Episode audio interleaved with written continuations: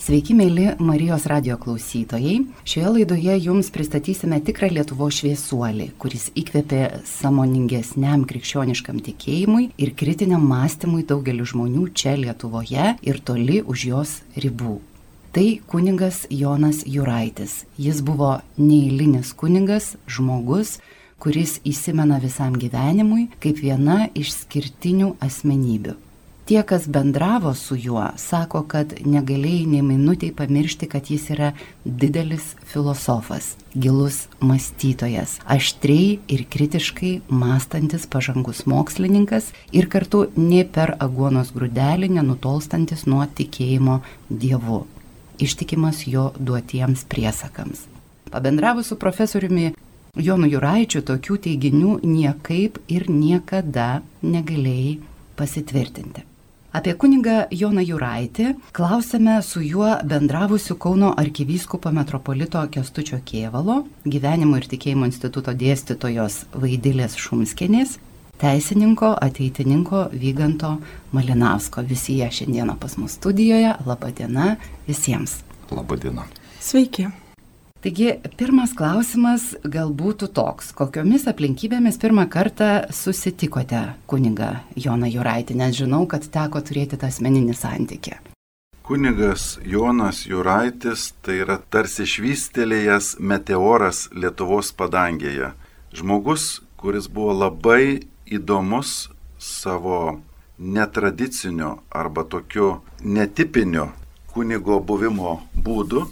Ir aišku, nepaprastu išsilavinimu įvairiuose srityse.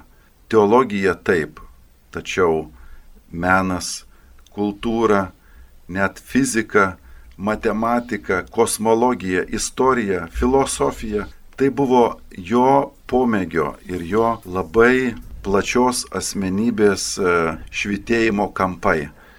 Traukė jisai savimi kitus žmonės, nes buvo laisvas būti savimi juokaudavo dažnai ir juose galėdavo atpažinti, na ir save, ir jį patį, ir aišku, gyvenimo situaciją.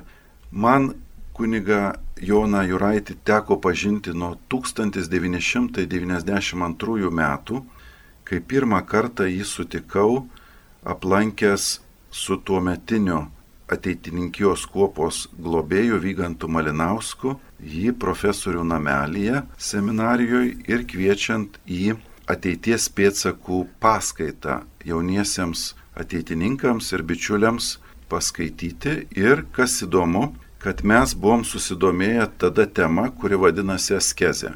Labai buvo tuo metu negirdėta žodis, bet to nieko nebuvom girdėję. Kažkokie asketai gyvena kažkokia praktika, kuri mums nepažįstama ir jinai kažkuo ypatinga, neskirtinga nuo to, ką mes žinom. Na ir jisai nusistebėjo, kad mes tokią temą jį prašom kalbėti ir vis dėlto jis labai rimtai priemė tai. Vyrukai, atrodo, kad čia jūs labai rimtą dalyką mane užklausėt. Man reikia labai gerai pagalvoti, kaip jums čia atsiliepti. Dabar negaliu atsakyti, atsakysiu jums po savaitės, skambinkit šito numeriu jis ėmė mūsų tą pasiūlymą taip rimtai, kad tarsi mes būtume profesoriai, užsakę kalbėti jį, nes mes jau tokie rimti, kad jo tema turi atitekti tarsi mūsų lygį ir matai, mes labai jau čia esame išskirtiniai.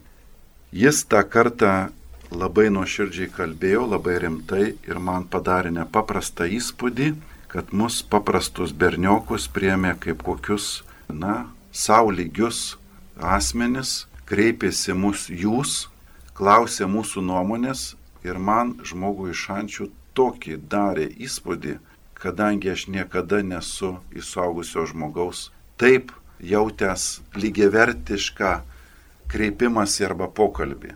Man širdį sužavėjo pirmiausia jo laikysena, nes jis būdamas profesorius kalbėjosi su mumis kaip lygiais. Antra, jo įsilavinimas, erudicija ir aišku karšta meilė viešpačiui, kuri buvo paslėpta už tokio kieto suvalkiečio veido, tačiau tokios karšto širdies, kad negalim užmiršti po šiai dienai jo dovanoto žodžio, šypsenos, juoko ir pamokų. Lygantai jūsų? Na, sustikimas labai paprastas. Buvau teologijos fakulteto studentas, pirmos laidos įstojau 90 metais. Ir dabar gėda pasakyti, bet turbūt 92 metais Juraitis atvyko mums dėstyti. Ir tiesiog atėjus auditoriją pamatėm naują dėstytoją iš užsienio, užsienio lietuvį. Ir aišku, jau nuo pirmų sakinių supratai, kad čia bus kažkas nepaprasto. Nu, ir tas pirmas įspūdis jisai toks ir liko. Ir iki šiol kunigas Iraitis e, mano gyvenime ir, kaip minėjote, ir manau, čia daugelio gyvenime e, būtų galima pasakyti, buvo kažkas nepaprasto ir tebėra. O kas tas kažkas nepaprasto? Na, žinot, čia vat, ir sunku labai, kai sutinki kažką nepaprastą ir atsako, tai kas čia panašiai kaip mystiko paklausk, tai vat, kaip ten tavo ta mystinė patirtis. Tai, taip, taip. O kunigas Juraitis, kaip ir arkiviskupas Kestutis Kevalas jį pavadino, jį galima vadinti mystiku, tai jisai toksai buvo, per kurį atsiverdavo mystika ir paslaptis. Ir su kuriuo bendraudavai kaip su icebergu, kurio matai viršūnę ir staiga jauti, kad yra daug, daug, daug, be galo daug už to, ką jisai sako. Ir Juraitis buvo beje ne tik tai, ką jis sako, ne tik žodžiai, bet ir jo gestai. Ir nutilėjimai taip pat. Labai gražiai pasakyta vaidėlė, kokie jūsų prisiminimai. Na, aš taip pat įstojusi į Vytauto didžiojo universiteto katalikų teologijos fakultetą turėjau garbės susidurti su šito dėstytoju. Ir žinot, kai žmogus labai jaunas, ten 19-20 metų, pasaulis tik prasiveria. Atrodo, tik pradedi skleisti kažkokius puslapius. Tai kunigas Jonas Juraitis buvo tas, kuris atskleidė labai plačiai kuris skatino skaityti, domėti, žiūrėti visai kitų kampų į pasaulį, į tai, kas tave supa, į jame priderančią tvarką. Pavyzdžiui, niekad nepamiršiu, kaip jis paskaitose mums dėstė, kad yra toks vadinamas drugelio efektas. Kad sako, kažkur kitoje žemės rutulio pusėje tik plevena drugelis savo lengvais parneliais. O jau šitam gale žemės rutulio tai pasireiškia didžiausių uraganų tokios ir panašios mintis, na tiesiog atradimai. Aš manau, kad tai buvo tikrai neįkainuojama patirtis paskaitų metu. O paskui taip aplinkybė susiklostė, kad e, buvau paskatinta kreiptis į kunigą Joną, kai reikėjo rašyti baigiamąjį darbą, tai yra bakalauro darbą. Iš pradžių labai nusigandau, galvojau, nu, kaip aš prie jo prieisiu, kaip aš su juo bendrausiu, nu, jis atrodė gana tolimas. Ir iš tikrųjų nenustoju dėkoti Dievui už šitą patirtį, už tai, kad išdrisau, kad kreipiausi, kad parašiau tą darbą pas jį, nes gavau nepaprastai daug. Nepaprastai. Jūs sakote žiūrėti kitų kampų, ar ne vaidylę? Koks tas kampas? Manau, kad kunigas Jonas visada stengiasi sudrebinti savo pašnekovą, bet tą gerąją prasme, kad jis nustotų žiūrėti įprastomis akimis. Nes kai žiūri į viską kasdieniškai, paprastai, na kaip į paprastą vykstantį aplinkui pasaulį, tai kas kartojasi, tai nepastebi gelmės. O jisai stengiasi kiekvieną žmogų sutiktą savotiškų būdų, labai savotiškų būdų sudrebinti, kad jis pabustų, kad jis nors šiek tiek tos gelmės paragautų. Ir man atrodo, kad jis tą darė labai subtiliai su kiekvienu žmogum atskirai. Nes kiek aš girdžiu kitų žmonių pasakojimų, nu jie labai kitokie. Vieniems atrodė, kad jis buvo gana šiurkštus. Gal su kai kuriais vyriškai labai taip kalbėdavosi. Gal dėl to, kad aš moteris, nežinau, bet aš jį pažinau kaip tikrai labai jautrų žmogų, labai suprantantį tai, kas vyksta su pašnekovu ir mokantį prieiti, paklausti tokį klausimą, kuris tuo metu yra esminis iš tikrųjų ir tokiu būdu, na, pažadinti tave tiesiog. Na, o aš truputėlį įsiterpsiu su šiokiais tokiais biografiniais keliais faktais apie kuningą Joną Juraitę. Taigi, kuningas Jonas Juraitis gimė 1926 metais, gegužės 12 dieną, Vilkaviškio apskrities Alvito valščiaus Boblaukio kaime. Įgyjęs brandos atestatą įstojo į Vilkaviškio kunigų seminariją.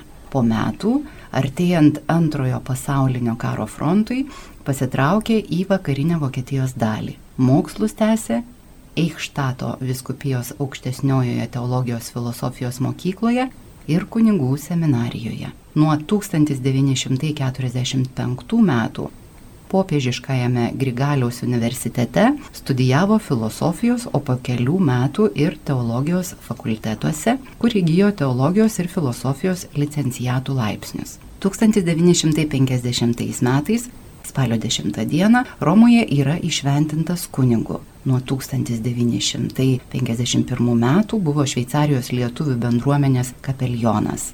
1955 metais kuningas Jonas Juraitis apgynė asketinės teologijos mokslų doktoratą tema kaip bažnyčia vertina kandidatų į palaimintuosius dažnai keistokas priemonės siekiant aukščiausio darybės laipsnio. Nuo 1957-ųjų 13 metų kuningas dėstė teologiją ir filosofiją vienoje iš Šveicarijos kuningų seminarijų, o 1962 iki 1991 metų mokytojų seminarijoje ir valstybinėje gimnazijoje Brigo mieste. 1998 metais Šveicarijoje įkūrė fondą Lietuvos įlovadai remti, iš jo siunčiamos lėšos popiežiškai lietuvių Švento Kazimiero kolegijai Romoje. Na, o mes tęsime toliau prisiminimus apie kunigą Joną Juraitį su mūsų svečiais, kurie yra šiandieną studijoje. Taigi vėl kreipiuosi į jūs visus mėlyjeji, užduodama klausimą, ko žmonės patraukdavo šis kuningas. Ar ne, kad jisai buvo neįlinė asmenybė, jau kaip ir pasidarė aišku. Dabar pabandykime praskleisti tą šydą į tai, kuo žmonės patraukdavo. O ta pirma mintis, kurie ateina į galvą, vygantai gal jūsų atsimenu, jis į Lietuvą atvažiavo jau būdamas vyresnio amžiaus, virš 70 metų, tai mes jį tokį pažinojom ir kai jį pamatydavai, ir čia vat, atsimenu irgi iš pokalbių, pamatai kuniga Juraitį ir galvoji, aš pavydžiu jam jo senatvės. Tai įsivaizduok, sutinki žmogų, kuris jau yra amžiuje ir jo senatvė tau atrodo gražesnė negu tavo jaunystė. O šiaip tai jisai patraukdavo, kad jisai atverdavo gėrio paslapti tau staiga pamatai, supranti, kad dalykai, kurie tau atrodė tokie nieko ypatingo, įprasti ir taip toliau, kad po jais, po tuo paviršium paprastų glūdi daug gėrio ir kad tu gali jį pasiekti. Tai nu, galbūt pirmos mintis, kurios ateina. O jums, vaidilė? Aš niekada nepamiršiu, kokia buvo didžiulė jo pagarba. Eini, pavyzdžiui, Laisvės alėje. Ir jau iš tolo atpažįsti kunigo Jono siluetą, ne, aukštas, pakankamai grakštus, ne vyresnio amžiaus žmogus. Ir Jisai ateina dideliais žingsniais tokiais ir tik pamatęs toj pat nukelia kepurę, net nusilenkdamas. Na, man tai buvo neįprasta, mes jauni žmonės iš sovietmečio tik išėję, ne viskas dar labai atrodo kūrėsi ir nauja, ir žmonių santykiai keičiasi. Mes tikrai turėjom tą posovietinį palikimą ir štai žmogus iš vakarų, kuris bendrauja kitaip, kuris rodo pagarbą kitaip, tas labai stebino, bet ir labai traukė. Ir iš kitos pusės atsimenu iš asmeninių pokalbių su juo, kai jau tikrai įsileisdavom į diskusijas ir į gilias diskusijas, pavyzdžiui, klausimų, kas yra žmogus. Jis klausė, o tu formuluoji atsakymą ir matai iš jo akių, antakių judesio, ar maždaug į tą pusę, ar ne į tą pusę. Ir jo reakcija, na tikrai visų kūnų, visų savimi būdavo kai jam nepatinka, irgi leidžia tam tikrus garsus ir, na, iš karto suvoki, supranti kas. Ir kai patinka, irgi paskatinimas, ar ne, pokalbis vyksta toliau, mes gilinamės, mes einame tolyn. Iš tiesų prisimenu, kaip tos pokalbius tikrai mane formavusius, tikra ta žodžio prasme. Galbūt išeidavau iš jų tam tikrą prasme pavargusi, bet visada labai pilna. Ir manau, kad tas pilnumas, tai, nu, negali sakyti, kad išmintis čia paėmė atidarė prikrovė, tikrai ne. Bet, na, jis galbūt ir tai savo klausimais skatindavo nepaprastai mąstyti mane pačią. Pavyzdžiui, atsimenu, kai pradėjau rašyti savo tą diplominį darbą, parašiau pirmą skyrių ir jam įteikiau. Mes susitinkam po savaitės ir sako, reikia perrašyti. Taip negerai. O aš buvau tokia tikra, kad, nu, va čia taip. Ir kai reikėjo perrašyti, viską perdėlioti iš naujo, iš, iš kito galo. Jis be abejo pasakė, kaip, kas turi būti pradžioje. Ir aš supratau, kad aš pati daug geriau supratau visą medžiagą apie tai, apie ką mes kalbam. Ir žodžiu, tai jo visas būdas, jo bendravimo maniera, visa tai, manau, labai stipriai ūkdė žmogų. Jeigu tik jis to norėjo, žinoma. Kokie posakiai yra įstrigę iš e, kunigo Jono Juraičio paskaitų ar neformalaus to bendravimo? Taip, esu viešpaties sutvertas ir aptvertas. Ką su manim kuriejas darys, man visai nerūpi. Žinau, kas aš esu ir ko iš manęs jis tikisi. Tai vienas jo posakių apie žmogaus egzistenciją, ne kad esam kūriniai ir turime ribas, kad nesam dievai, sutvertas ir aptvertas. Tada kitas jo buvo, na, posakis ar net įspėjimas, vyrukai, niekada nekalbėkite apie meilę, nes nieko apie ją nesuprantat. Jeigu pamokslė žodis meilė pasikartoja daugiau trijų kartų, greičiausia kalbantysis nieko nesupranta, o tik plepa. Todėl galima beveik nekreipti dėmesio. Tai jo tas troškimas kažkaip eiti į gilį, ieškoti žodžių prasmių, ieškoti už žodžių istorijos, žmonijos patirties, tame tarp ir tos meilės sampratos gilinimasis buvo labai įspūdingas. Aišku, jis labai įdomus buvo tuo, kad galėjo čia pat panaudoti įvairias metaforas, įvairius įsireiškimus. Štai mes vieną kartą, klausydamėsi jau po pietų filosofijos istorijos paskaitos, tapėme neramus, šurmulingi ir auditorijoje po truputį kilo triukšmas iki tokio lygio, kad jau pradėjau konkuruoti su mūsų kalbančiu kunigu profesoriumi Jonu Juraičiu. Tai kągi jis daro kaip dėstytojas? Ogi paima stirtą knygų, kad jau tvokstelėjo per stalo kampą, atrodė, kad sprogo bomba auditorijoje ir visi staiga nuščiuvo. Stojo tyla ir štai kunigas Juraitis tarė, aš esu piktas ir pavydus Dievas ir nepakenčiu šalia savęs kitų dievų. Šioje auditorijoje aš esu Dievas. Ar turite kas klausimų? Tai toks subtilus, gražus švento rašto Senojo testamento įvaizdžio apie Dievą naudojimas, kuris suvaldė auditoriją dar keliems metams į priekį, nes mes supratom, kad čia nepajokausiu su šitu profesorium. Jo ir meilė, ir toksai šventas piktumas ir švento rašto panaudojimas ir ta pedagogika mums, kad reikia šiek tiek galbūt diržo, viskas sudėrėjo į tokią pagarbą ar meilę galop tam profesoriui, kuris tokiu būdu perteikt norėjo mums, nu tikrai, civilizacijos, kieto disko paaiškinimą, tikėjimo pagrindų ir ką jau kalbėti apie tai, kad jis mums pats savimi paliudijo kunigystės ir grožį, ir tikslą na ir sakyčiau netgi viešpaties tam tikrą vaizdą, ne, kad jis yra tėvas, kad jis nori perduoti žinę, kad jis mus myli, kartais bardamas, bet dažniausiai praūsa šipsodamasis. Man tai pirmiausia ateina į galvą tai, kaip jis sakydavo, mes nieko neišrasim, mes tik atrandam, kaip viskas vyksta reiškia, tos pasaulio dėsnius, ką mokslininkai galvoja, kad jie išranda, jie nieko neišranda, jie tik atranda, kaip yra Dievo padaryta, kaip viskas vyksta. Vygantai?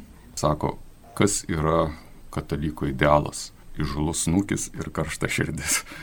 Praskleiskime tą frazę, nes čia reikalauja tam tikro paaiškinimo. O apie tą įžūlų snukį dar norėjau tą pasakyti, nes atsimenu, čia irgi buvo, kai kunigo Jono minėjimas, arkiviskupas Kestutis irgi tą, bet jis nepaminėjo šito žodžios. Nu, ką sakė, jis kartais atrodydavo taip širkštus ir grubus, bet jisai nu, buvo iš Suvalkijos kaimo ir jisai nu, labai vertino ir jautė tą kalbą. Mintis buvo, čia vėlgi tikras krikščionis, jisai turi pakovoti už tiesą ir atstovėti. Jisai neturi būti visada toks nu, saldus, nuglostytas, vis besišypsantis. Kartais iš tikrųjų tavo stovėsena ar laikysena už gėrį, jinai turi būti įžuli arba taip atrodant įžuli, bet tuo pačiu tavo širdis turi būti karšta. Aš e, norėjau pridėti dėl tos meilės. Prisiminiau vieną epizodą iš paskaitų, kaip jisai bandė papasakoti apie žmonių santykius.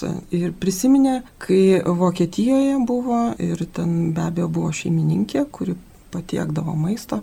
Ir sako, karo metas, nu, badas praktiškai ir pareinu namo ir sako, uždegta švakelė ant stalo ir gražiai į lėkštutę padėta šokolado. Paskui išsivystęs, kaip supratau, su ta šeimininkė pokalbis, jisai klausė, kodėl, kaip, iš kur čia, jinai atsakė, kad tai yra su meile. Sako, jeigu aš įmeščiau didelį riebų kaulą į lėkštę, tai būtų be meilės. Bet va taip patiekta, kad ir tas mažytis gabalėlis šokolado yra su meilė. Tai man labai įstriko šitas jo papasakotas epizodas ir manau jis buvo studentams labai raiškus. Beje, kunigas Jonas labai mėgdavo pavyzdžius iliustruoti pavyzdžiais savo paskaitas ir tie pavyzdžiai padėdavo prisiminti paskaitų medžiagą. Prisimeni pavyzdį tada, o apie ką čia? Tikrai nuvesdavo labai giliai. Marių vidurėlį yra akmenėlis, ak Dieve, ponė mano, yra akmenėlis. Tame akmenėlį yra bažnyčialė, ak Dieve, ponė mano, yra bažnyčialė. Toje bažnyčialė yra trys altoriai, ak Dieve, ponė mano, yra trys altoriai. Pirmasis altorius yra šventojono, ak Dieve ponė mano, yra šventojono. Antrasis altorius ir pano švenčiausios, ak Dieve ponė mano, ir pano švenčiausios. Tretysis altorius yra pono Jėzaus, ak Dieve ponė mano, yra pono Jėzaus. Prie švento Jono degė šešios žvakės, ak Dieve ponė mano, degė šešios žvakės. Prie panų švenčiausios aniolai gėdojo, ak Dieve ponė mano, aniolai gėdojo. Prie pono Jėzaus trys lelijų kvietkos, ak Dieve ponė mano, trys lelijų kvietkos. Iš tų kvietkelių išlėkė paukštelis, ak Dieve ponė mano, išlėkė paukštelis. Tas ne paukštelis ir dvasia švenčiausia, ak Dieve ponė mano, ir dvasia švenčiausia. Kokių pokyčių jūsų pasiliežiūroje mąstymę atnešė šio kuningo paskaitos ir seminarai? Tie pokyčiai buvo apskritai, jisai atvėrė tą visiškai kitą perspektyvą ir į teologiją, ir į filosofiją.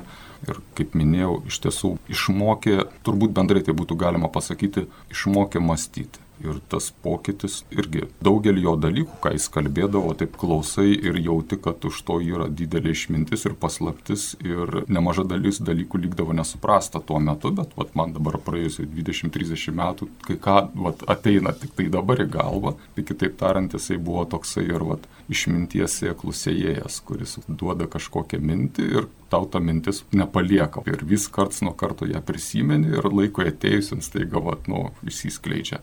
Aš e, prisimenu vėl tą savo bakalauro darbą ir tiesiog labai norėjau rašyti apie Jobo knygą iš Senojo testamento ir mane nukreipė, sako, tai eik pas Juraitį. Ir kai mes su juo susitikom, jis taip labai, ai, nežinau, sako, reikia man pažymius tavo pažiūrėti. Ar sutiksiu dar? Ir aš jam pasakau savo galimą temą. Ir akis tik sužimba. Ir aš suprantu, kad taip, jisai sutinka. Tai paskui tas bendravimas na, tikrai peraugo į tokį labai platų pažinimą. Dėl to, kad mano darbė atsirado labai daug filosofijos ir čia tikrai ačiū kunigui Jonui. Jeigu man atrodė, kad čia užteks Maceiną paskaityti apie Jobo dramą, tai jisai sakė, ne, ne, ne, tau reikia paskaityti daugiau, tau reikia Husserlį, Heideggerį paskaityti, tau reikia geros fenomenologijos, įsigilinti, kas tai yra žmogus. Ir aš tada prisimenu savo rytus praleistus bibliotekoje, skaičiau tuos raštus ir Husserlio, kurie, na, gal man buvo sunkus, bet negalėjau nusileisti savo, aš turėjau juos perskaityti, nes eisiu pas kunigą Joną, nes mes kalbėsimės, nes reikės kažkaip su tuo susitvarkyti. Ir, na, tiesiog jaučiau, kaip man tai atveria mano pasaulyje žiūrą, mano pasaulį padaro platesnį. Nes paprasčiausiai požiūris į žmogų tampa visuminis labiau tikrai davė labai labai daug. Na, o aš norėčiau dar keletą faktų jums priminti iš kunigo Jono Juraičio biografijos. 1992-2002 metais Vytauto didžiojo universiteto katalikų teologijos fakultete kuningas Jonas Juraitis dirbo kaip kviestinis profesorius, išrinktas Vytauto didžiojo universiteto senatoriumi, katalikų teologijos fakulteto tarybos nariu ir fakulteto doktorantūros komiteto pirmininku.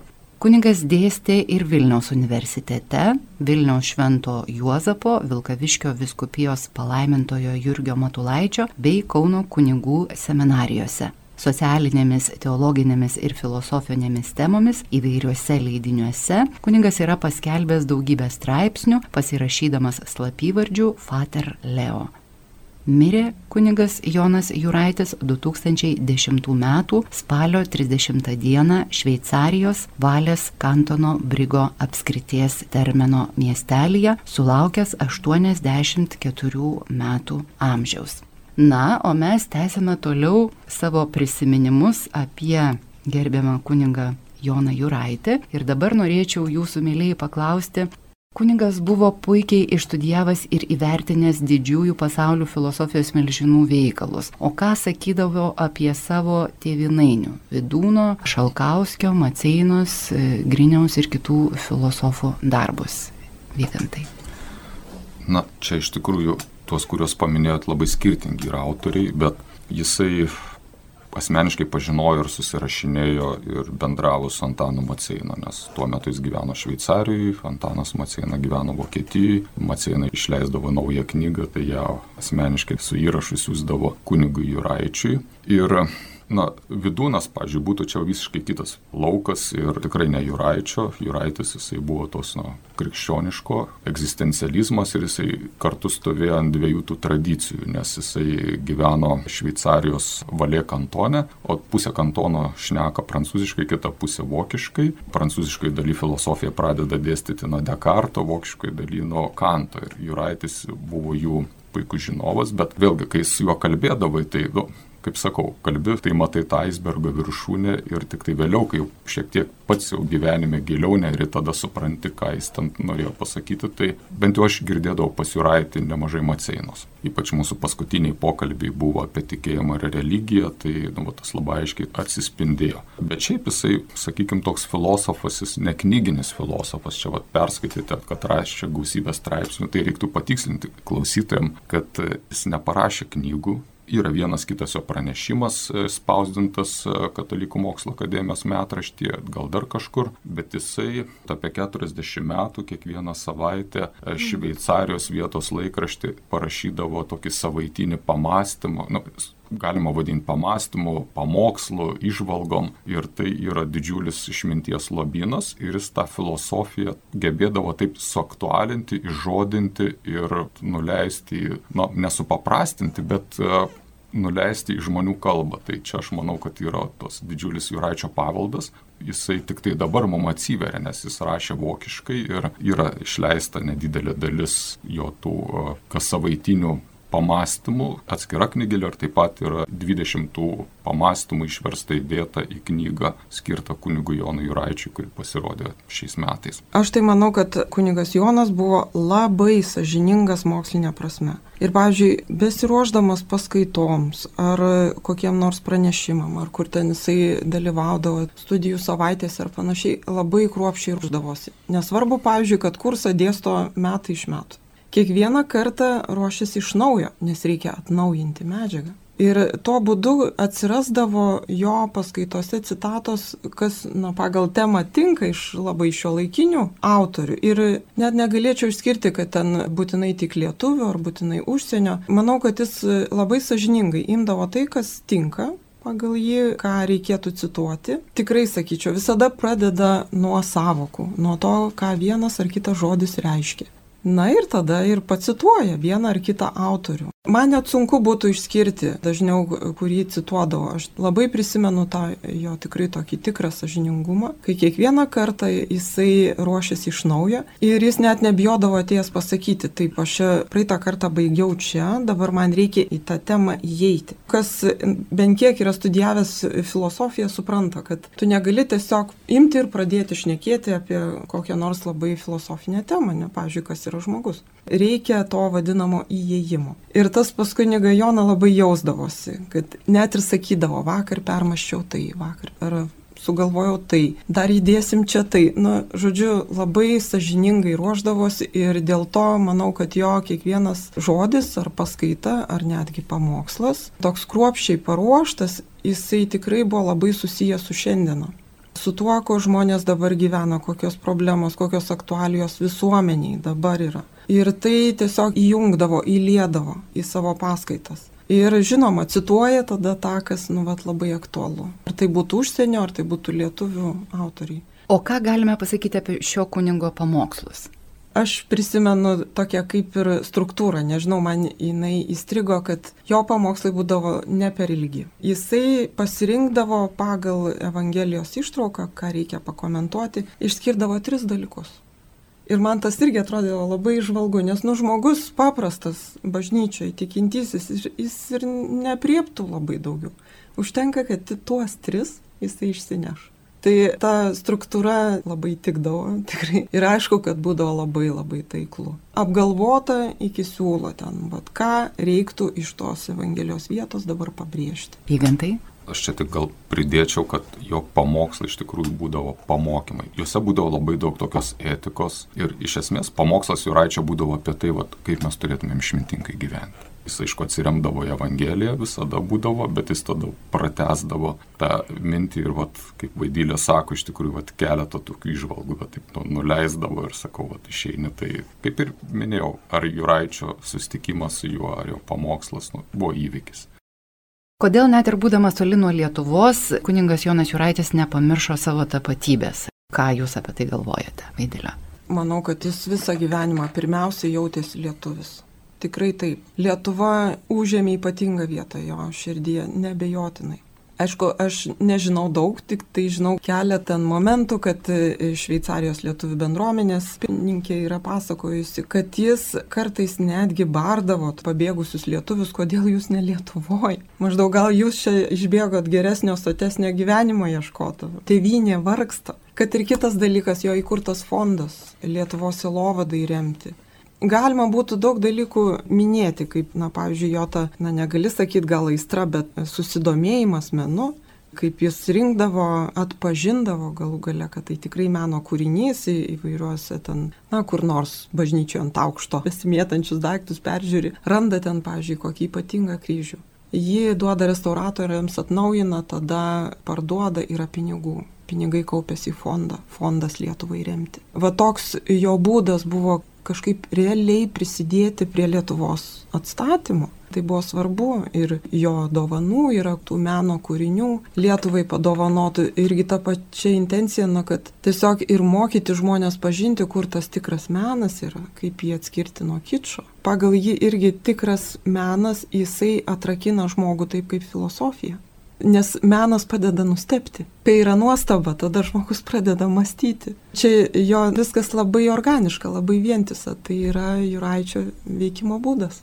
Pigantai, ką Jūs pamenat apie tą jo tapatumą su Lietuva? Na, tai tas jo tapatumas, nu, vat, būtent buvo jo tapatumas. Kunigas Jonas Suraitis buvo lietuvis. Ir ant jo namo Šveicarijoje buvo užrašas Lietuana. Ir iš tiesų, ta vat, lietuvybė jam dėl Lietuvos skaudėjo. Teko laimė pas jį apsilankyti kartą namuose Šveicarijoje ir Juraičio namai irgi meno tokių rinkinių nuo kažkokios ten nuolaužos iš senovės Romos iki sakmenėjusio kelmo iš Patagonijos ir be kitų dalykų ten kabėjo paveikslas Šventas Jonas Krikštytis kalėjime. Ir sako, man tai yra Lietuva, va, tuo metu sovietmečiu. Jis už grotų, va, Jonas Krikštytė, sako, va, mes esam uždaryti. Ir jis ten gyvendamas iš tikrųjų viską darė, kad išlaikyti tą lietuvybę išeivyje. Ir aišku, jau būdamas nusipelnęs, išėjęs į pensiją ir ten galėdamas savo patogiai gyventi su šveicariška pensija, jis atvažiuoja į Lietuvą ir va, dar atidirba dešimtmetį. Ir čia vaidylė paminėjo fondą, bet reiktų gal dar pridėti tai, kad kunigas Jonas Suraitis dėstė taip pat ir Šveicarijoje. Jis dėstė seminarijai, paskui dėstė gimnazijai ir buvo labai mylimas ir gerbiamas gimnazistų ir iš esmės didelė dalis to fondo tai buvo jo, taip pat ir mokinių saukotos dovanotos Lietuvai lėšos. Buvo dar vienas fondas, kurį įkūrė, čia jis nebuvo paminėtas ir dabar tiksliai nepasakysiu, bet čia buvo Lietuvoje. Kitaip tariant, nu, jisai daug dalykų darydavo, ir apie juos aišku nepasakodavo. Ir didžiosios dalies mes jo gerų darbų nežinome ir vat, prisimenu, kaip kartais irgi ten atėjo verslininkas ir paklausė patarimo, kaip čia dabar reikėtų geriau paukoti. O kunigas Jonas sako, paukok taip, kad nesužinotų niekas, kad tu paukojai. Jo tokie pamokslėliai būdavo, kartais pamokslėlis tokia vat, labai trumpa istorija. Ir sako, žinai, tas verslininkas sako, žinai, labai jau sunku tai padaryti. O mums iš tikrųjų atmoralas, kad vis tik tai, nors ir sunku, bet tai yra didelis gėris. Ten 90 kokie šešti metai Lietuvoje. Pavyzdžiui, jeigu kas turėjo mažų vaikų, žinom, kad tuo metu, pavyzdžiui, toks dalykas kaip gauti batukus vaikui, kokiam dviejų, trijų metų, nu, nebūdavo arba jie būdavo labai brangus, nu ne pagal kišenę.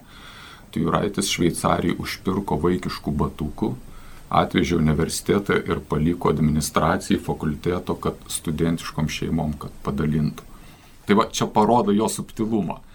Pinigų irgi beje atveždavo pinigų ir studentam taip tyliai paduodavo veždavo iš Šveicarijos kunigams vyresniems, kurie tokių turėdavo mažiau pajamų arba nepasitūrinčių, kad stipendijas taip vadinamas, kad jie ten paukotų mišes už kažkokius ten šveicarus. O tokiu būdu šelbdavo, sakykime, Lietuvos kunigus. Tai jis buvo tame tarpe ir didelis toks, nu, vat, šelipėjas ir remėjas ir čia jo, nu, atskira didžiulės rytis, bet apie kurią be abejo jis nepasakojo.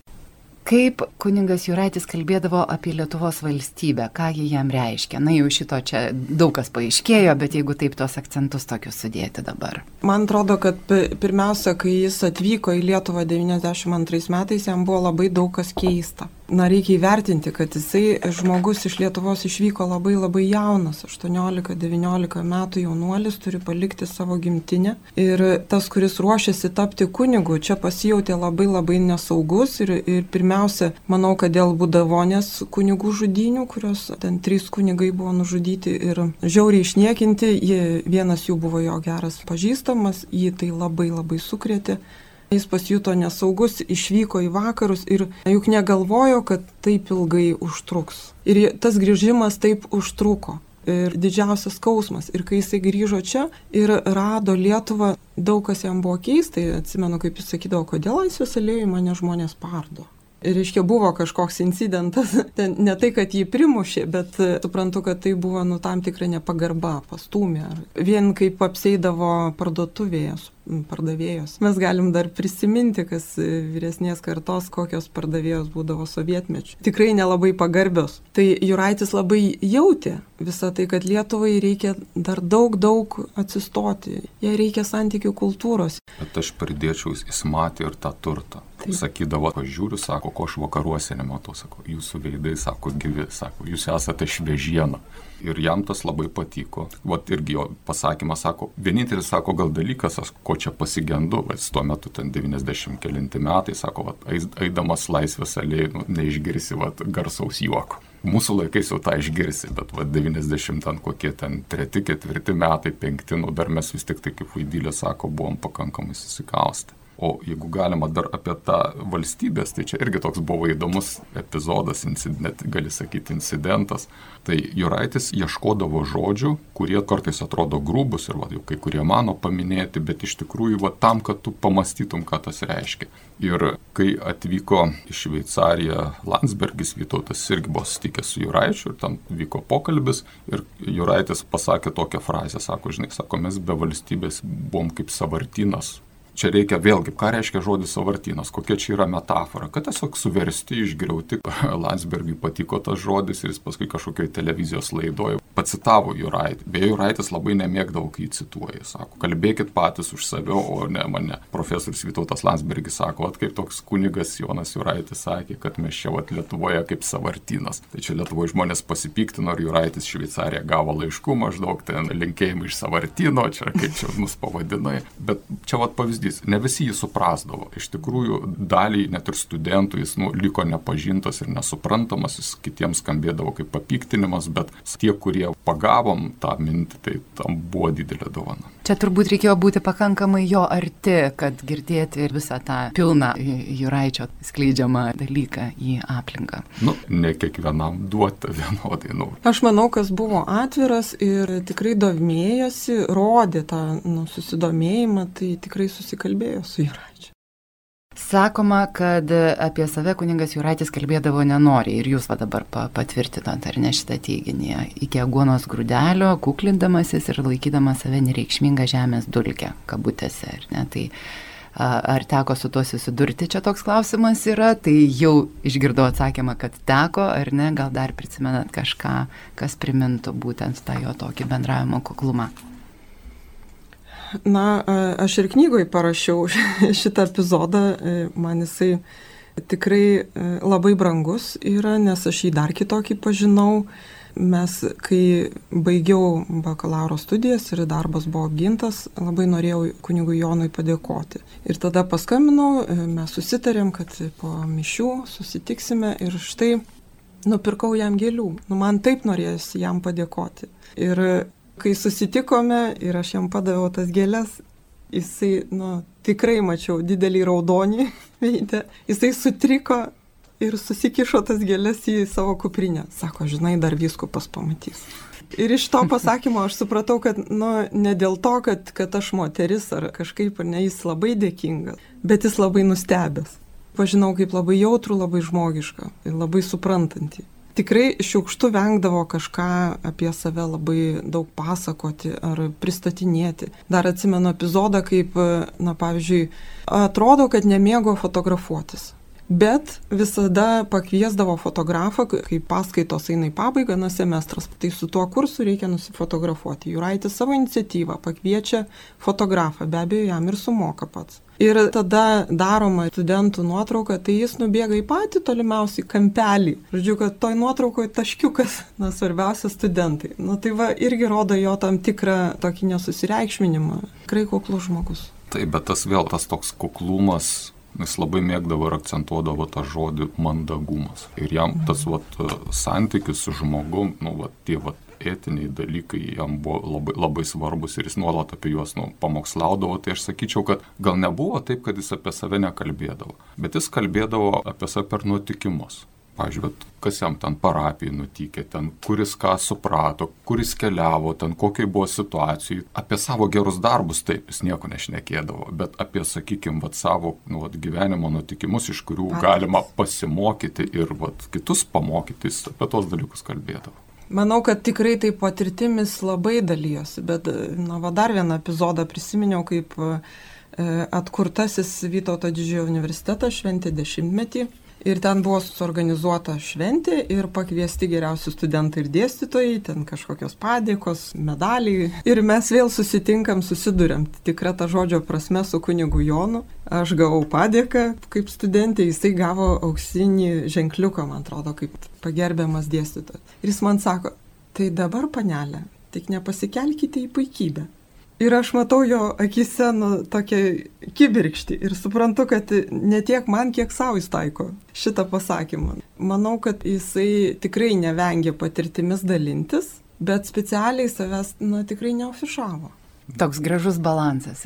Tai ačiū, mėlyje, už tokį nuostabų ir gražų pokalbį. Priminsiu Jums, mėly Marijos radio klausytojai, kad šioje laidoje kalbėjome apie Lietuvo šviesuolį, kuris įkvėpė sąmoningesniam krikščioniškam tikėjimui ir kritiniam mąstymui daugeliu žmonių, apie kunigą Joną Juraitį.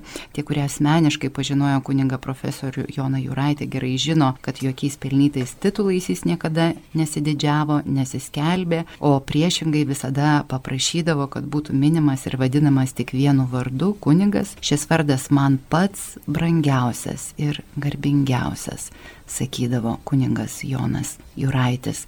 Jeigu nepatinka, sakykite kunigėlis.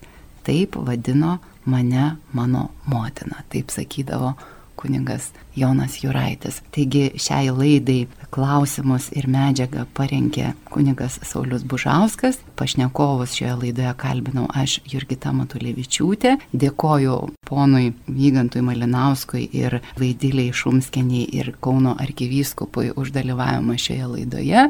Ir atsisveikiname su jumis, mėlyjei, iki kitų malonių susitikimų. Sudie. Sudie. Sudie.